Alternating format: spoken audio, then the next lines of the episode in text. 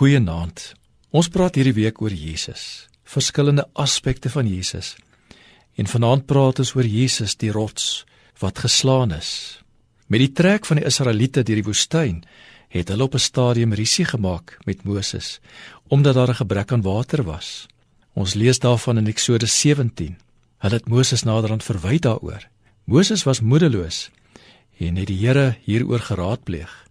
Die Here gee toe aan hom opdrag dat hy met 'n klompie van sy leiers vooruit moes stap na 'n rots wat God vir hom sou aanwys. God sal op die rots staan. Hy moet sy kierie vat en die rots daarmee slaan, dan sal daar water uit die rots kom vir die volk om te drink. Hy het dit ook gedoen en die volk het water gehad om te drink. Paulus verwys in 1 Korintiërs 10 na hierdie insident as hy met die mense van Korinte praat oor geestelike volwassenheid. Die Korintiërs is besig om dieselfde pad van geestelike onvolwassenheid te loop as die Israeliete wat gedurig teen God in opstand gekom het en met God risie gemaak het. Hulle was te vol van hulle self en het min geestelike dissipline aan die dag gelê. En tog het die Here hulle versorg en gedra met genoeg om van te eet en te drink in die woestyn.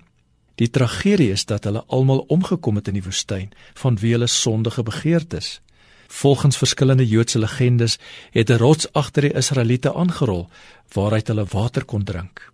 En dan bring Paulus hierdie rots in die woestyn direk in verband met Jesus, ons geestelike rots. Met die kruisiging van Jesus sien ons hoe hy mishandel is en keer op keer geslaan is. Uit hom vloei die bloed en water.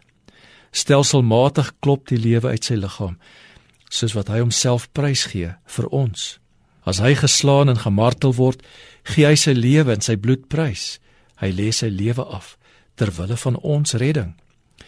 Jesus word vir alle gelowiges die rots van die Nuwe Testament wat vir ons geslaan is aan die kruis. Uit sy wonde vloei daar vir ons lewe en genesing. Die nagmaal bied vir ons die uiterlike teken van Jesus se voorsiening aan ons.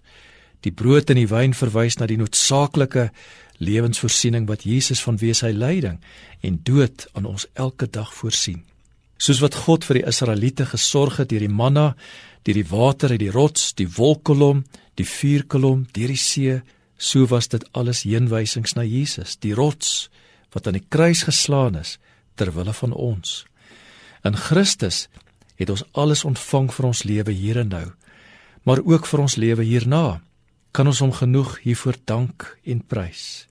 Soms gaan ek en jy ook 'n paar houe kry in die proses, maar dit is niks in vergelyking met die houe wat hy moes verduur ter wille van ons nie.